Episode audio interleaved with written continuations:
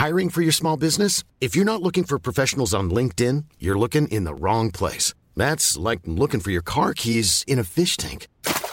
LinkedIn helps you hire professionals you can't find anywhere else, even those who aren't actively searching for a new job but might be open to the perfect role. In a given month, over 70% of LinkedIn users don't even visit other leading job sites. So start looking in the right place. With LinkedIn, you can hire professionals like a professional. Post your free job on linkedin.com slash people today.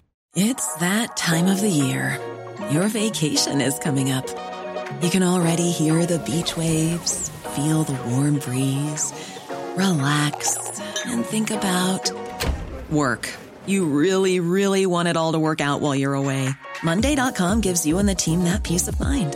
When all work is on one platform and everyone's in sync, things just flow wherever you are. Tap the banner to go to Monday.com.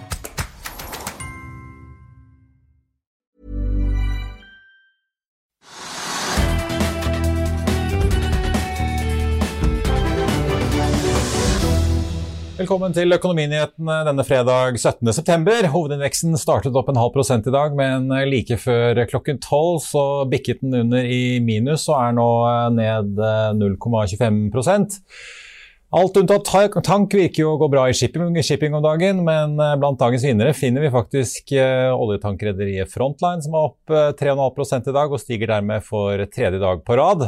På vinnerlisten finner vi også selskaper som Bouvet, Crayon, Athea og Carasent. På taperlisten er det bl.a. Entra, Medisteam, TGS og gjødselprodusenten Yara som vi skal komme tilbake til.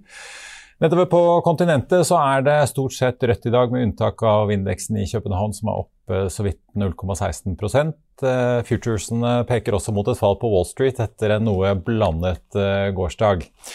Trygve, jeg tenkte vi kanskje skulle begynne med Yara. Vi snakket jo eh, litt om energipriser og sånn her i går. Men nå har de varslet at de kutter inntil 40 av ammoniakkproduksjonen sin i Europa den neste uken. Ja, jeg synes Yara er et ganske godt tilfelle, et eksempel på hva jeg liker å snakke om. Fordi at man da forstår sammenhengene. Det er liksom helt fundamentale forhold. Og det slår ut i aksjekursen. Ikke alltid, men etter hvert og kanskje ganske mye. Og Yara er, er jo i den situasjonen da at de produserer ammoniakk.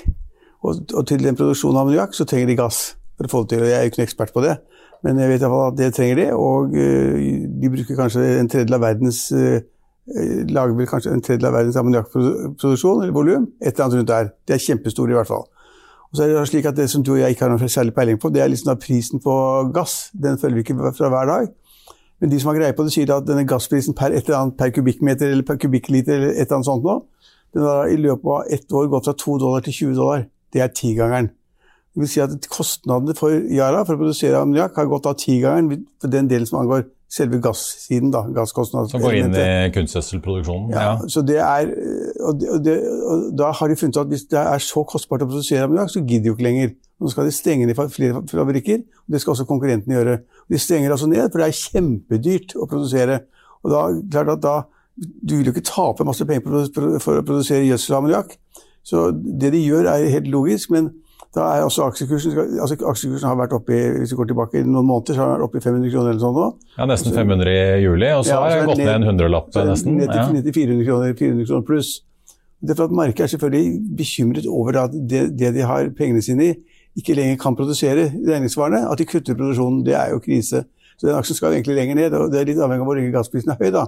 De kan antagelig ikke betale 20 dollar per dette X-et eh, veldig lenge uten at liksom, det går utover hele inntjeningen i selskapet. Så det er ikke bra. Og så må vi huske på at Yara er et av landets største selskaper. De har en market cap på over 100 milliarder kroner. Eh, så de er en veldig vanskelig gråsone med tanke på hva som kan skje fremover. Ja, for Aksjen begynte jo ned 2,5 eh, men den bare falt ned ytterligere utover dagen. Nå er jo 4-5 ned. da. 4,5 ja. Så det er jo den som drar hovedveksten eh, altså, mest ned. Jeg ville vært veldig bekymret hvis jeg satt og eide hva som helst, for kostnadene mine eksploderte hvor da kostnadselement nummer én ble tidoblet. altså Det, liksom det, det er sånn omtrent som biler. det. Hvis altså plutselig bildekket skulle koste da ti ganger så mye, eller en bremse, bremsesystemet eller, eller, hva som helst, plutselig skulle man betale tigangeren. Ja, da, altså hvis båtene til mine Windy-båter plutselig skulle betale ti ganger så mye for hver motor, og vi hadde kanskje faste priser ute i markedet, hadde solgt en del av produksjonen Da hadde det vært i trøbbel. Da hadde vært i trøbbel. Så helst skal kostnadene falle. og på en måte Man er flink og gjør de riktige tingene. Og her er det helt motsatt. og er, Jeg mener det er helt dramatisk. og Det er fantastisk morsomt å lese om det og se om det. Uh, og Så får vi se da hva Yara-ledelsen gjør. Ja, for det er jo, altså, også Konkurrenten CF har jo stengt to anlegg i Storbritannia. Det jo, begynner jo å få ganske dramatiske konsekvenser Ja, og- rundt Europa, de energiprisene som er nå. Ja, og Yara har jo stengt fire fabrikker, eller skal stenge fire fabrikker, eller sånn, jeg vet ikke. Er, men, men du stenger ned fordi du har ikke råd til å produsere, det er det som er poenget, og det er ikke bra. Vi ser eh, styremedlem og tidligere Trøim- eh, Harald reiste Reistad Fure ut og kjøper aksjer for en million kroner i dag. Han sitter jo i styret i Ara. Er han ute og fisker på, for å signalisere at han har troen, eller hva tror du? Ja, Da tar vi utgangspunkt i at det har falt fra, 400 kroner, er fra 500 kroner til 400 kroner, da, grovt sett. ikke sant? Og så har da Trøim-kretsen og kretsen rundt, han har vært inne i Yara ganske lenge. da. Jeg har satset på at Yara er det store, riktige selskapet. Og mange av hans liksom, medinvestorer og bekjente har vært inne i Yara. og Så det kan vel tenkes at eh, han her tenker at nå har det falt såpass mye i forhold til hva vi regnet på før, at det er en god anledning til å komme inn og tjene penger. Og det kan jo godt tenkes at hvis det er en, eh, det er en eh, oppgang etterpå, da, at man på en måte tar igjen fallet ganske fort, så det er en god spekk. Men jeg ville jo aldri gjort det. For man vet jo ikke hvor lenge denne gassprisen vil være, være så høy. Nå er det noen gode da, makroøkonomer som sier at liksom, ingen råvarer eller priser, altså enten olje eller gass eller aluminium eller kull eller hva som helst, har høy pris veldig lenge. Hvis du har høy pris veldig lenge, så vil da noen måte finne ut en måte å produsere mer på og ta ut den fortjenesten, slik at da prisen på disse råvarene faller igjen. Det, er- det, det er en bra teori, men det er en, det er en ganske tøff spekk å gå inn i Yara nå. Det er det. Ja.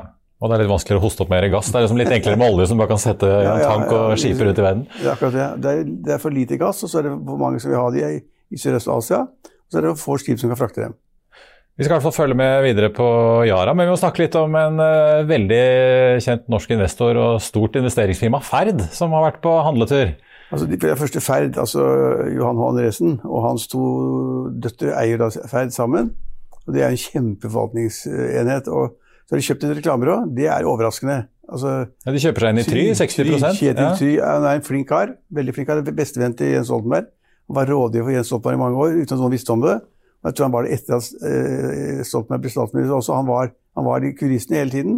Og da klarte på få år bygget opp et kjempereklamebyrå, tjene penger. eh, 60-78 millioner kroner i året. Og det gikk så bra at han for et par år siden da opprettet det som du og jeg ser rundt oss hele tiden, da, et sånn informasjonsbyrå, eller hva de vil kalle det, som da gir råd om pressemeldinger, brannslukninger, strategier osv. Og, så og det har han bygget opp, det er da Try Råd. Eh, Og de har også 30-40-50 ansatte. og Nå fant han plutselig ut at han ville selge til Ferd, og da har sikkert Ferd kanskje gjort et ut... Ja, jeg tipper at Ferd har tenkt at det kan være gøy å, å eie et reklamebyrå og et kommunikasjonsbyrå. Og Så har de forhandlet om det, og så har kanskje Try tenkt at søren, jeg har levd enkeltlivet, liv, jeg aldri hatt en dress, jeg har, eh, er en enkel mann av folket og støtter Arbeiderpartiet og sosialdemokratiet, men nå casher jeg inn penger. Så han, da, han eide ikke hele, han har noen andre som også eide, at så vidt jeg har forstått tallene, da, grove tall, så hadde han en verdi for 160 millioner kroner eller sånn i Try, Try-selskapene. Og så har han solgt de, da, og så, og så har han beholdt noen aksjer, da. Ja, for Han skal jo fortsette som sjef Ja, eh, for- i selskapet. Og, Ja. det, og, jeg, og jeg kan- kan ikke tenke meg at Ferd-folkene eller Johan H. Andresen eller hans medarbeidere at de tenker på å drive et reklamebyrå som derfor er såpass mye linket opp til Arbeiderpartiet, sosialdemokratiet, hva det måtte være. Det tror jeg ikke de tenker på uansett.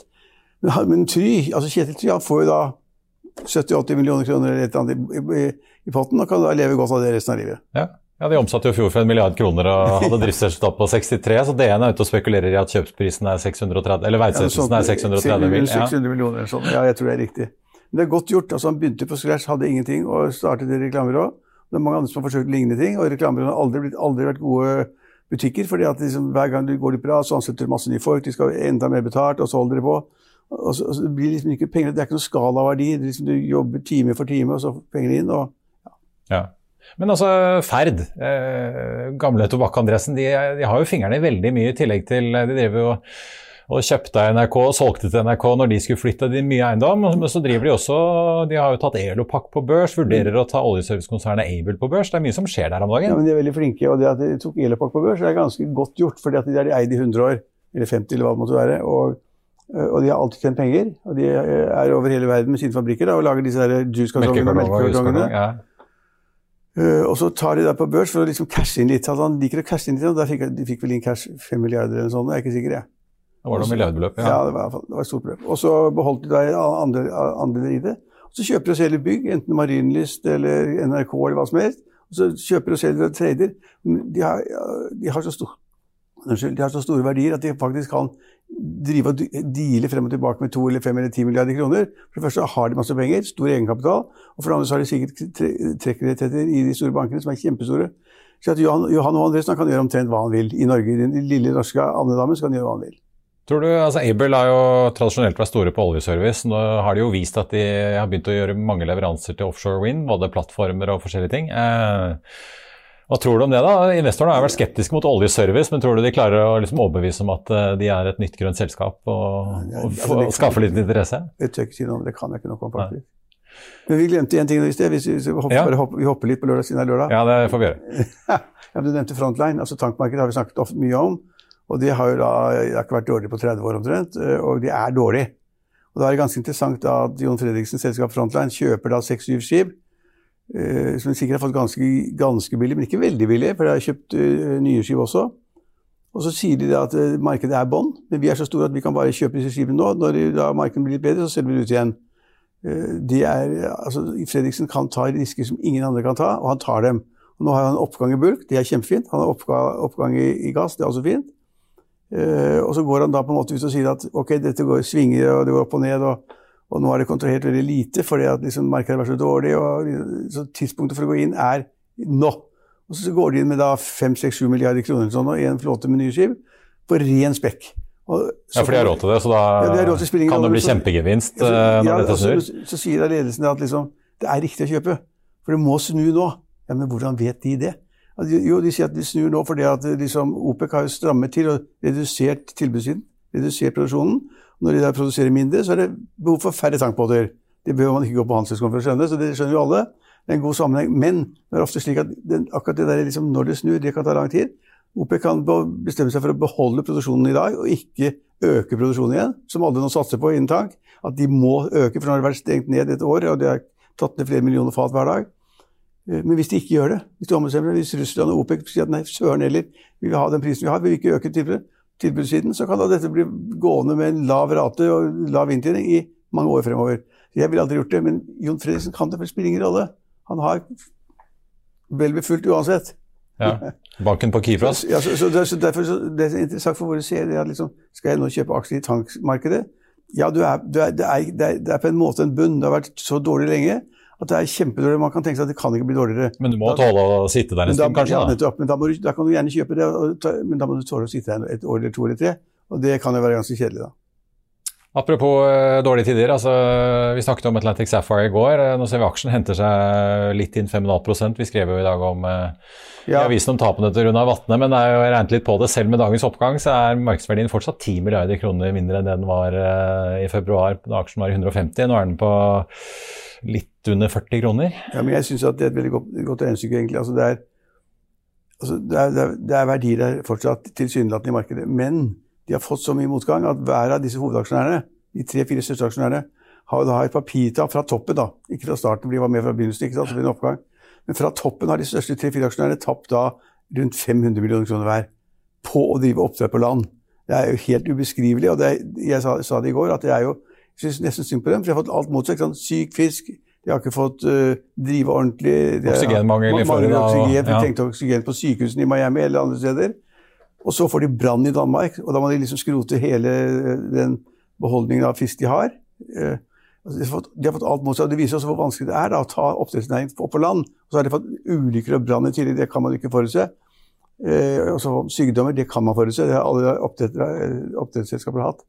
Men jeg syns synd på dem. Men, men, tapene er så store at der, der ville jeg vært veldig bekymret. fordi når når da såpass store investorer har papirtap på 500 millioner, så sitter de og tenker hva gjør jeg nå? Sitter, ja. skal, skal, jeg, skal, jeg, sitte igjennom og kanskje håpe at vi blir jævlig gode om fem år? Eller skal jeg selge, begynne å selge aksjene mine? Vi skal i hvert fall følge med. Det har ikke kommet noen ny børsmelding fra, fra Atlantic Sapphire ennå. Men de har i hvert fall uttalt at det ikke skal påvirke virksomheten i USA, denne brannen i Danmark. Ja, og så er det En liten ting, eh, Marius, man skal huske på den, den type selskaper som er sånn, Det er litt spekulativt å gå på land med oppdrettsnæringen. da. Det er det at liksom, hvis, hvis, det blir en kjempehåsing av den aksjen, da, eller andre typer selskaper i andre næringer, så skal man selv ta en profit på 20-30 eller 40 eller sånn betalende gjør det. Bli, gå inn og gå ut igjen, ikke bli sittende der. For det er så mye usikkerhet, vanskelig å regne på, at det er lærdommen for disse gutta er helt sikkert at det der gjør jeg ikke en gang til. Jeg blir ikke med på en oppgang som er himmelen uten å ta en del av profiten. Ja. Og Hvis jeg ikke husker helt feil, så tror jeg, Tor Aksel Volleberg var også inne der en periode. Kanskje, jeg tror han var inne der. Ja, Det husker jeg faktisk ikke. Nei, men vi, jeg, jeg, vil man ta inne der, men, det, da, men jeg er helt sikker at han er helt ute for lenge siden. Det skal vi sjekke opp. Mens eh, Equinor, den norske stat og andre som selger gass tjener store penger om dagen, så koster de høye gass- og energiprisene altså både husholdninger og bedrifter som Yara dyrt. Vi tok en prat med en av landets ledende eksperter, Sindre Knutson, leder for gassanalyse i Rysta Energy, for å høre om gassmarkedet og hvorfor disse prisene er så høye. Sindre, takk for at uh, du er med oss. Jeg tenkte vi skulle begynne med for de som ikke er så inne i det. Hvorfor er gassprisene så veldig høye nå? Altså, vi har nå gasspriser i Europa på over 20 dollar per MMBTU. og Dette er jo drevet av at vi har lagertallene i Europa er mye lavere enn gjennomsnittet. Og Det er da drevet av både tilbud og etterspørsel. Og På tilbudssiden spesielt da, så har vi sett mindre eksport komme inn fra Russland enn forventet i år. Eh, og Noen driver på etterspørselssiden er at vi har sett mindre strømproduksjon fra f.eks. vind og, og, vannkraft, som da har, et, har ledet til et økende behov for uh, gass. Eh, så I tillegg til dette da, har vi rekordhøye også eh, kullpriser, CO2-priser og LNG, altså flytende gass, som også har støttet opp under disse nivåene vi ser i Europa per i dag. Dette er jo god butikk selvfølgelig for alle som selger gass, inkludert Equinor og Norge. Eh, men vi ser jo nå at dette får jo konsekvenser. altså CF Industries i Storbritannia har varslet at de stenger to anlegg eh, på gjødselproduksjon. I dag kom meldingen fra Yara om at de trapper ned den neste uken 40% av ammoniakkproduksjonen sin. Eh, ser dere flere tegn til at storforbrukere av gass faktisk begynner å trappe ned forbruket nå? Ja, vi, vi, ser jo det generelt at uh, tilgjengeligheten av gass uh, vil jo og kan jo sette begrensninger for etterspørselen. Har, du har noen eksempler på dette her nå, uh, men det vi kan se når vi går inn mot vinteren nå, er at hvis vi ser en veldig kald vinter, så vil det være økt behov for oppvarming. og Da kan hende at andre sektorer må vike. Og da har du Strømsektoren kan vi jo se at vi vil switche mer og mer mot kull, som vi allerede har gjort så langt i høst. Og vi vil se at kull vil være større enn gass i, i kraftsektoren nå gjennom denne vinteren her. Men du kan også se andre sektorer vike. Eh, de siste årene i Kina så har vi sett at eh, industrien har måttet vike. Eh, og vi kan se at dette vil også skje i Europa nå inn mot denne vinteren. Ja, så Det kan rett og slett bli gass, altså så, en så ille gassmangel i Europa at uh, store aktører kan bli nødt til å stenge ned? Det, det, kan skje, og spesielt hvis vi ser en, da, en kald vinter. Vi hørte jo her nylig denne uken at eh, det holdes jo igjen en del gass fra Russland, eh, som du også er inne på. Eh, Norge går heller ikke for full produksjon om dagen. Hvor mye, hvor mye har liksom Norge, Russland og eventuelt LNG-aktører som skiper gass til Europa å gå på her for å få inn mer volumer? Ja, altså, ved Norge så forventer vi å se en økning i produksjon og eksport inn til Europa nå i vinter, men ikke noe betydelige volumer som kan hjelpe til å balansere markedet. Eh, når det kommer til Russland, så forventer vi også å se en, en noe økning i eksport inn, inn, fra Russland. Men det Gazprom har kommunisert, som er da den største eksportøren av gass inn til Europa, er at vi ikke kan forvente å se en sterk økning i volumer, med mindre da Nord Stream 2, som er da en ny gassrørledning, vil starte opp. Og Denne gassledningen er jo nå ferdig og klar til å, å begynne snart men den trenger fortsatt godkjennelse både fra Tyskland og fra EU for å kunne starte opp. Og denne prosessen kan ta 68 måneder, eh, så vi forventer egentlig ikke at Russland kan komme inn og redde markedet i vinter. Eh, og når det kommer til LNG også, så er det allerede et sterkt underskudd i LNG-markedet. Vi forventer at spesielt ASA vil komme inn med en sterk etterspørsel inn mot vinteren. Eh, så det, vil, kan, det er allerede et underskudd i det markedet. Så det som kan skje nå når vi går inn mot vinteren, hvis vi får en kald vinter både i Asia og Europa, er at uh, europeiske importører og kjøpere må gå inn og konkurrere med asiatiske kjøpere spesielt, for da LNG-supply. Og dette kan jo da drive prisen opp til enda høyere nivåer enn det vi ser i dag. Ja, altså, Hvor lenge kan dette vare? Er dette et spørsmål om uh, og i vinter og så tror dere prisene vil falle til sommeren igjen, eller uh, kan det liksom vare lengre? Ja, nei, uh, De prisene vi ser nå, de kan vare ut og gjennom vinteren.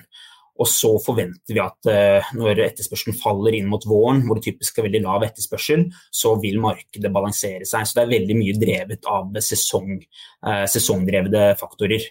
Eh, og så vil det også komme mest sannsynlig mer supply fra Russland og LNG-markedet neste år, så kan man videre hjelpe å balansere markedet.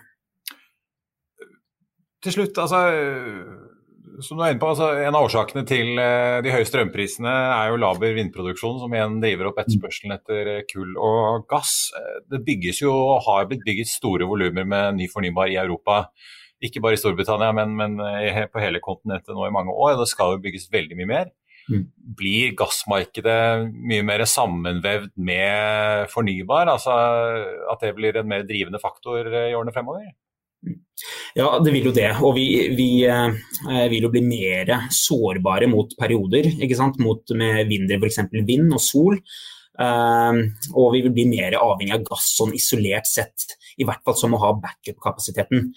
Og per nå så står f.eks. sol og vind for omtrent 30 av kapasiteten, strømproduksjonskapasiteten i Europa. Og vi forventer at denne vil øke opp mot 60% innen 2040. Så Sånn sett vil vi være avhengig av å ha noe som backup i perioder da hvor det verken blåser eller er sol, eller f.eks. hvor det er tørt. Sindre Knutson i eh, Rysta Energy, leder for gassanalyse, takk skal du ha. There's never been a faster or easier way to start your weight loss journey than with PlushCare.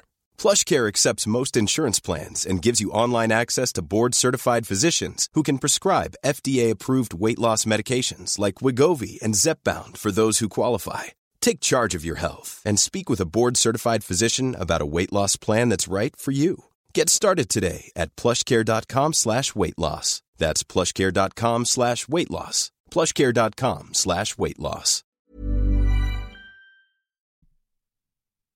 I'll see you in court. Vi sier det ofte litt på spøk, men for deg som driver business, er det aldri moro å innse at du ikke har laget en 100% gyldig kontrakt. Du bør ikke risikere hele firmaet ditt fordi du synes dette med kontrakter er litt stress. En avtale er ikke en avtale.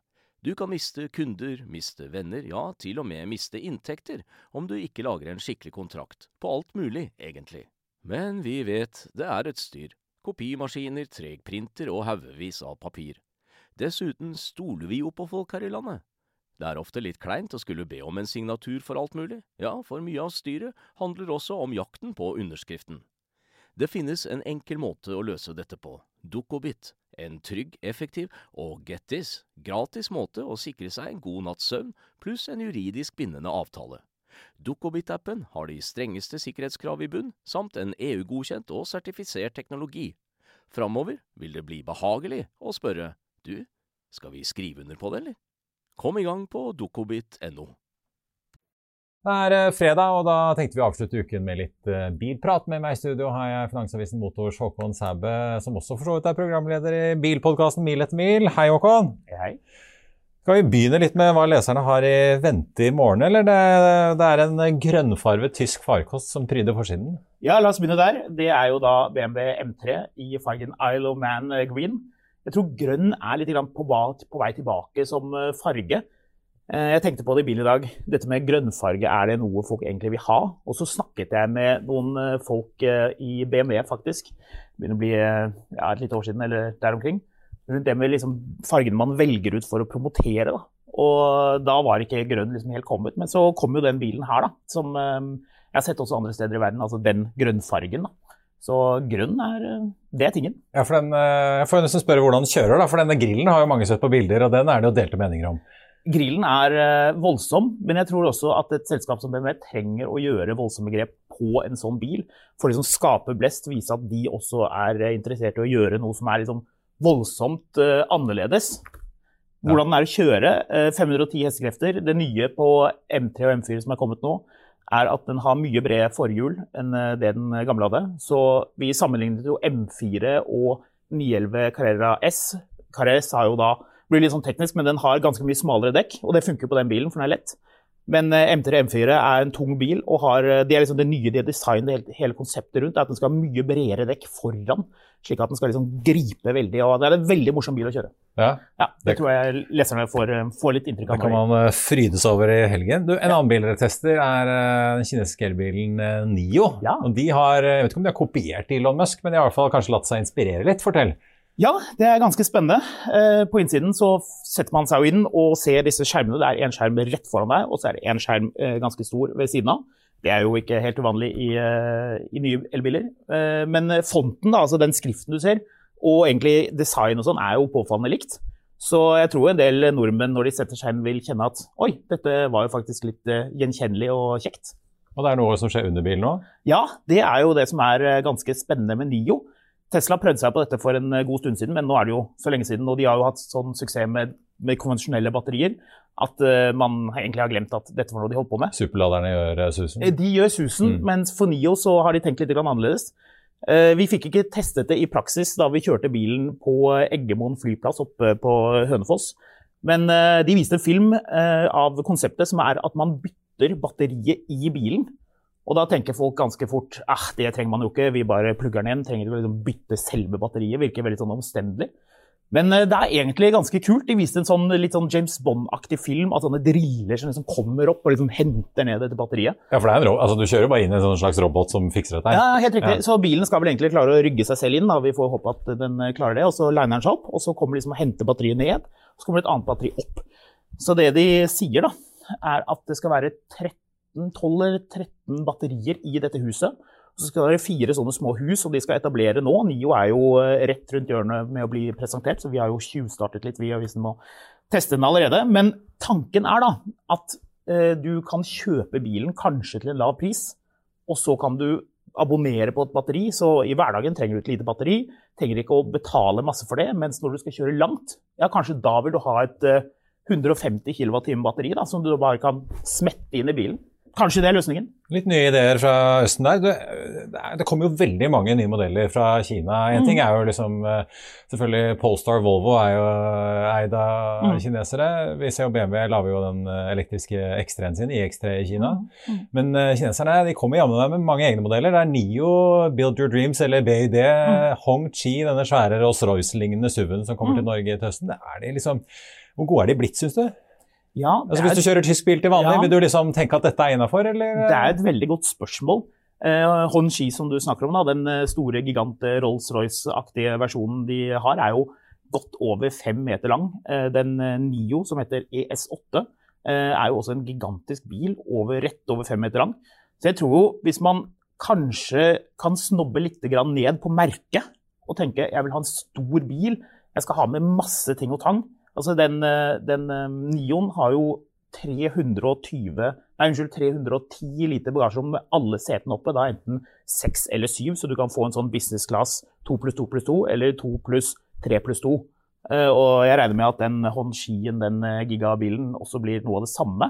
Men passerer ikke helt kanskje Geilo-testen for de som er aller mest snobbete på merker? da? Det er et veldig godt spørsmål. Jeg tror det er mange gode iboende kvaliteter, i hvert fall den, den Nion. da. Eh, Builder Dreams har også en ganske spennende modell som eh, nå nylig har lansert, som også er en stor bil.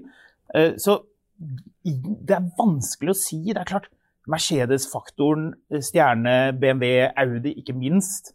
Det kommer til å være veldig viktig for folk som eh, vil vise seg frem på, på fjellet. Men hvis du, hvis du, tar med prisen, da, jeg tror jeg folk vil sette seg ned og tenke at ah, det er ganske mye bil for pengene. Så det blir spennende å se. Helt på tampen, uh, vi har jo hatt valg. Uh, ja. Vi får en ny regjering. Mm. Hva vet vi egentlig om bilavgiftene? Det er jo, uh, det er jo ikke liksom alltid gjort i en fei å få tak i en ny bil, man må gjerne bestille. Ja. Er det sånn man må få panikk nå hvis man har bestilt bil med levering i januar fordi den kan bli mye dyrere, eller? det hadde jo vært gøy å si ja, nå bør du få panikk, men nei. Jeg tror at bilavgiftene, den momssatsen som man snakker om, da, med 25% på overskytende 600 000 Eh, den tror jeg er høyst reell. Og den, eh, alt peker på at den kommer. Alle er jo egentlig enige om det, så det kan man jo ta høyde for. Men spørsmålet er når. Og da var det jo flere som sa at eh, det er 2023 som gjelder. Og bilaktørene, importørene, later til å tro dette. Man rigger seg på en måte litt opp for at det er 2023 som gjelder. Og det vil jo da bety at kanskje neste år, 2022, bilmarkedet da vil bli ganske kraftig. At det blir solgt mye biler. Jeg så det var noen som tenkte på opp mot 170 000 biler. Det er jo i alle fall definitivt ny rekord. Ja, for alle skal kapre, eller sikre seg bil før det skjer noen avgiftsendringer? Ja, ikke sant. Så, ja, det, hva, hva, slår det ut da? Da? Si du kjøper en elbil til en million, da? da ja, da er det jo 100 000, da. Ja.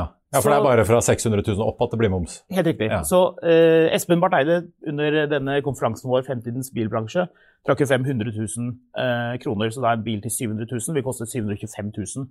Det høres jo veldig godartet ut, eh, men det er klart, Eh, skal du ha en bil til 1 million eller kanskje 2 millioner? Nå er det ikke så mange elbiler som koster det, men Taycan, Cross Turismo, Eh, Turbo kanskje? Turbo begynner å nærme seg det. ikke Ja, å nærme Det er noe med at det må jo være den S-en på slutten, da. Hvis noen av gutta har turbo og noen har S, så vet du, hva- vet du hva som er best. Eh, så det er klart, det er jo noe der. Eh, min antakelse er at det er eh, 2022 som blir det året man eh, kommer til å eh, kjøpe bil.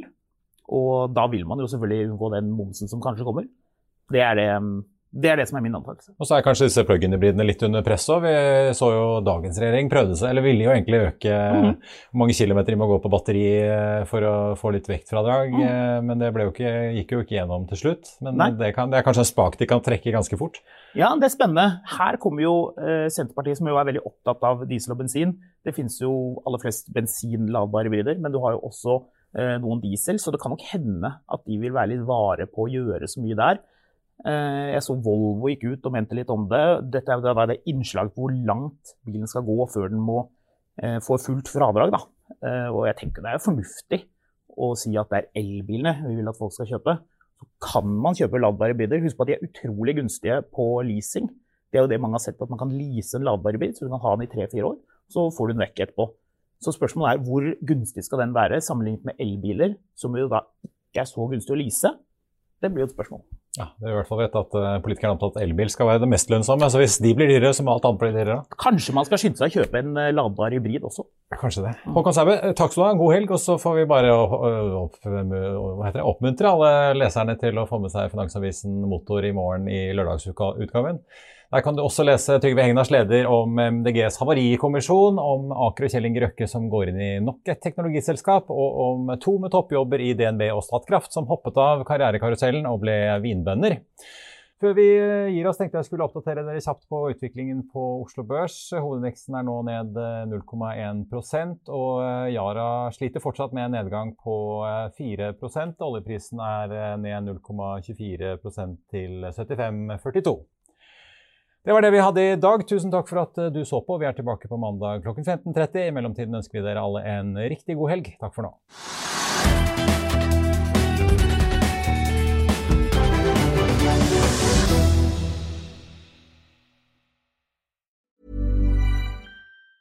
Hey, it's Danny Pellegrino from Everything Iconic. Ready to upgrade your style game without blowing your budget? Check out Quince. They've got all the good stuff shirts and polos, activewear, and fine leather goods, all at 50 to 80% less than other high end brands. And the best part? They're all about safe, ethical, and responsible manufacturing. Get that luxury vibe without the luxury price tag. Hit up quince.com slash upgrade for free shipping and 365 day returns on your next order. That's quince.com slash upgrade. Økonominyhetene er en podkast fra Finansavisen. Programledere er Marius Lorentzen, Stein Ove Haugen og Benedikte Storm Bamvik. Produsenter er Lars Brenden Skram og Bashar Johar. Og ansvarlig redaktør er Trygve Hegnar.